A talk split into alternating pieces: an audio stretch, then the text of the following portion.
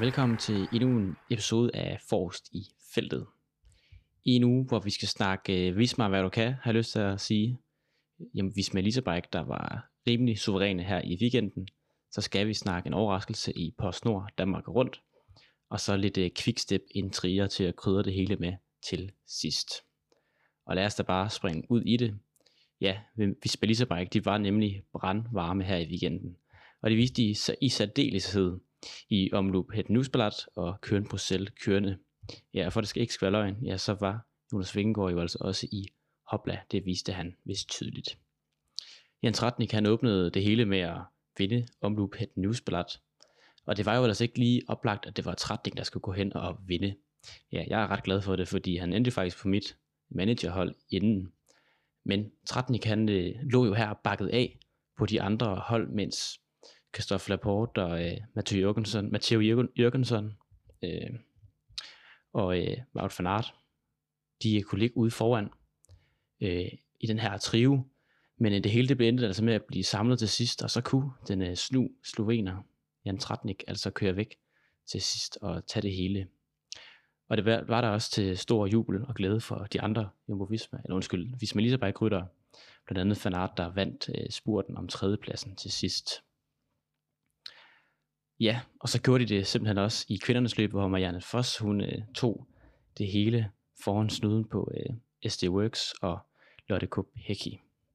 Og mens alt det her det foregik, ja, så var Jonas Vingegaard jo altså suveræn, dominerende i O Gran Camino, hvor han ender med at vinde det hele samlet efter i dag. Det kom måske ikke som den store overraskelse, men det var altså gode navne, der var med i denne udgave. Matche Jonas, det kunne de bare ikke. Ja, og så blev det også til Fanart i Køren, Bruxelles Kørende, hvor han øh, kom hjem i en mindre gruppe, og altså vandt til sidst, hvor han blandt andet spurtede foran Øjer Karno. Og det betyder nu, at uh, Visma Lisa Bike, de er kommet lidt tættere på UAE på pointlisten. Men UAE, de er altså stadigvæk suverænt i spidsen med 2329 point. Mens øh, Visma efter i dag er på Sølle, det er vist lidt hårdt sagt, 1744 point. UAE, der allerede har 10 sejre i den her sæson, ja, de er altså lige det foran øh, Visma, som kun har, kun, siger jeg i anførselstegn, 9 sejre. Men det kan der altså nå at blive lavet om på, hvis øh, de fortsætter den her vilde, vilde form i de, øh, de store løb, som de har gjort indtil videre. Visma, de har godt nok været dominerende og imponerende, det må man bare sige.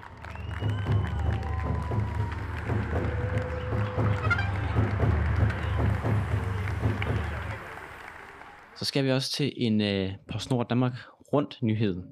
Ja, det er altså ikke nu, det skal køres øh, rundt omkring i Danmark, men for nyligt der kom det frem, at øh, der er en stor overraskelse til den her præsentation. Og min øh, kollega Julian Sur, han var med til præsentationen, og han kan fortælle lidt om, hvad den her overraskelse den øh, gik ud på. Lad os lige høre, hvad han har at sige. Julian Sur, der var jo øh, præsentation af PostNord Danmark rundt ruten i øh, tirsdags, og øh, de havde reklameret med på forhånd, DCU og PostNord øh, Danmark rundt, øh, organisationen bag, at der var en stor øh, overraskelse til den her præsentation. Kan du ikke lige prøve at gøre os lidt klogere på, hvad den overraskelse øh, den indebar? Jo, jeg var øh, til pressemøde her øh, tirsdag, og der øh, var arrangørerne og Jens Kassler, der er sportslig ansvarlig, han var meget glad for at præsentere, præsentere at øh, løbet starter med et holdløb i år. Det bliver i, det var allerede kendt, at det skulle være i Holstebro, men det bliver altså 13,7 km langt holdløb, der skal starte på Snor Danmark rundt næste år, eller i år. Øhm, og det er første gang nogensinde, at der er en holdtidskørsel med på Snor Danmark rundt, så det bliver selvfølgelig interessant at se.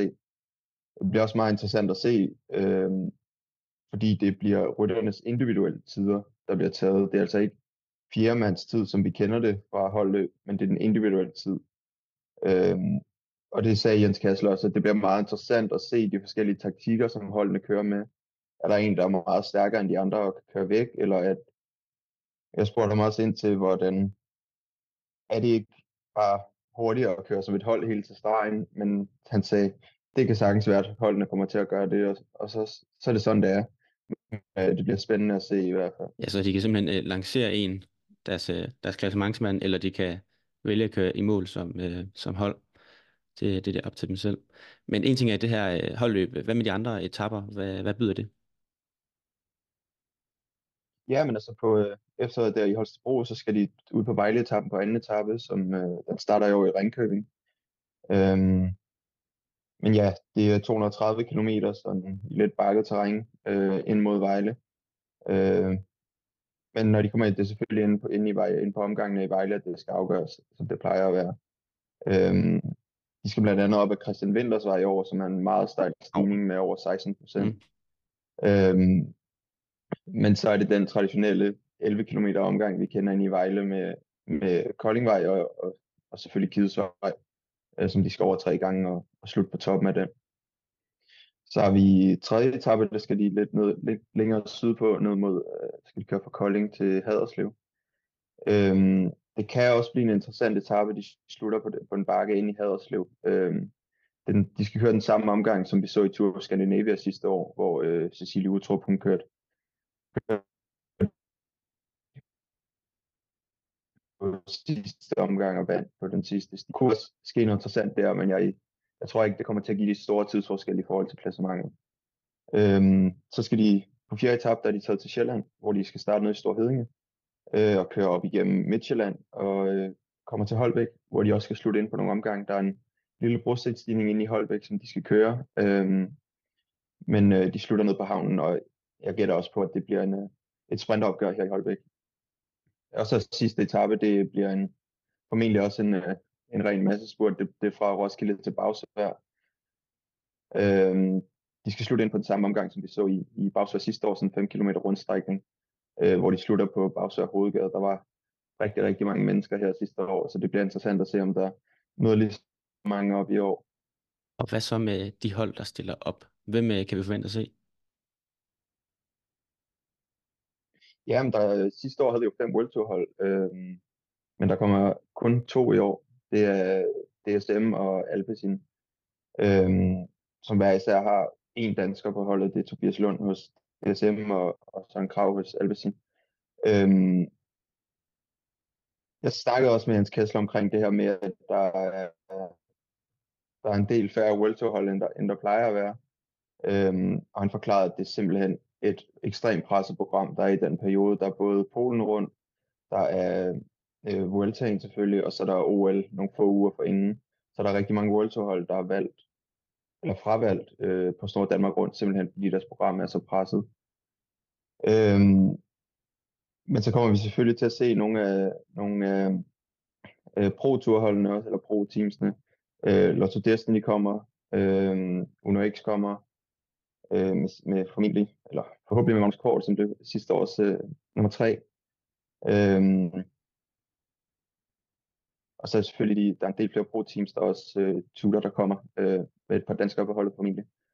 Og så har vi også øh, de danske kontinentalhold, øh, og vi har Little Tricks udviklingshold, øh, hvor der nok også kommer til at være nogle danskere på holdet.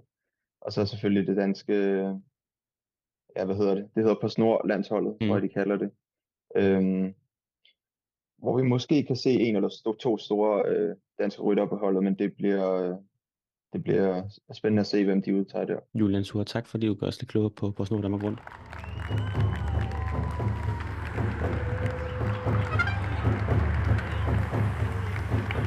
Så skal vi slutligt til en historie om øh, Julian Alaphilippe. Ja, han er jo en yderst elegant rytter, mener jeg, på cyklen og kan lave øh, de her vilde, vilde solorit, hvor han enten eksploderer eller ender med at komme øh, til stregen. Men han er altså ikke i den forstand, den form, som han har været. Det må han nok erkende, og Patrick Lefebvre har jo altså tidligere holdt manager på Quickstep ikke været helt glad for ham, i hvert fald ikke i forhold til de resultater, han leverer. Og han er altså ikke kendt for at være bange for at tage bladet øh, fra hunden Patrick Lefebvre. Men han har altså også været ude med riven igen i den her omgang, og øh, det er blevet, øh, ja, hvad skal man sige, mere eller mindre personligt i hans kommentarer. Han siger blandt andet, at øh, Julian Alaphilippe er en god fyr, men efter han underskrev sin megakontrakt, så præsterede han ikke længere. Når du bliver ældre, skal du passe mere på, du skal træne hårdere, og du kan ikke kaste håndklædet i ringen. Har han blandt andet sagt til øh, Humo, et øh, medie. Og du sidder nok og tænker, okay, hvad var der så slemt ved det? Jamen det er faktisk heller ikke i det citat, at vi skal finde det slemme. Fordi han øh, uddyber nemlig i det her interview og siger, For mange fester og for meget alkohol. Julian er for alvor tryllebundet af sin kone, Marion Rouge, som måske for meget. Julian er en ung hund og fuld af energi. Man bør, lade ham, man bør lade ham gå i haven i ny og næ, og du må også sige, hertil og ikke længere. Der er stadig en dårlig dreng inde i ham. Og det har altså ikke været øh, et citat, der har faldet i særlig god jord. Marion Rus, som jo altså er øh, eller Philips partner, de har også en øh, søn sammen. Og hvis du synes, hendes navn virker bekendt, så er det altså hende, der er sports, eller undskyld, løbsdirektør for kvindernes Tour de France. Og øh, ja, den faldt sjovt nok ikke i ret god jord hos hende. Hun var også tidligere ude, eller efterfølgende hedder det, og øh, ja, være, vise sin frustration over det her citat fra øh, Lefebvre, og øh, lad os lige prøve at høre, hvad hun havde at sige til det. Uanset hvad, herr Lefebvre føler over for mig, er det uacceptabelt at angribe vores privatliv, som han gør. Så nej, jeg drikker aldrig alkohol. Jeg siger dig, jeg vil under ingen omstændigheder tillade dig at tale om mit privatliv. Lad du være med at tale vilkårligt og vise mere respekt og klasse. Det har du altså lavet i et øh, opslag på øh, X. Og øh, de her intriger, det skal altså blive spændende at se, hvad det får af konsekvenser for det samarbejde. Julian Philippe, der jo altså kører den her weekend i belgiske åbningsweekend, og var altså nede og ligge øh, i asfalten. Det var ikke øh, det sjoveste løb for hans vedkommende. Men der har jo altså været de her gnidninger tidligere, og Julian Alaphilippe er jo også den her lidt flagrende type, så øh, det skal blive spændende at se, om det kommer til at blive, øh, om der kommer til at være et efterspil der. Nogle vil måske også mene, at øh, Lefebvre bare siger noget, og at, at han godt ved det, eller Philippe, men øh, det får vi altså se, hvad der sker der på sigt. Det var alt, hvad vi havde på programmet for denne omgang forrest i feltet. Men frygt dig, der kommer mere indhold i løbet af ugen, og hvis du allerede er begyndt at høre sofacykling, ja, så kan du jo passende lige give det en chance for Søren og Lasse vender, hvordan det er at se cykelløb fra sofaen, ja, ligesom vi altså alle sammen gør det. Og så synes jeg da også lige, du skal gå ind og læse mit interview med øh, kulturministeren, der ikke rigtig kan forholde sig til den her kritik, der har været af VM-ruten i København. Han mener i hvert fald, at det er på en falsk præmis, og han har ikke fået nogen breve. Det er et øh, meget interessant interview, synes jeg selv, så det kan du passende gå ind og læse. Indtil vi lyttes ved igen, så må du have det rigtig, rigtig dejligt. Den her episode den er produceret af mig, Jeppe Pechard Assenholdt. Vi lyttes ved. Hej.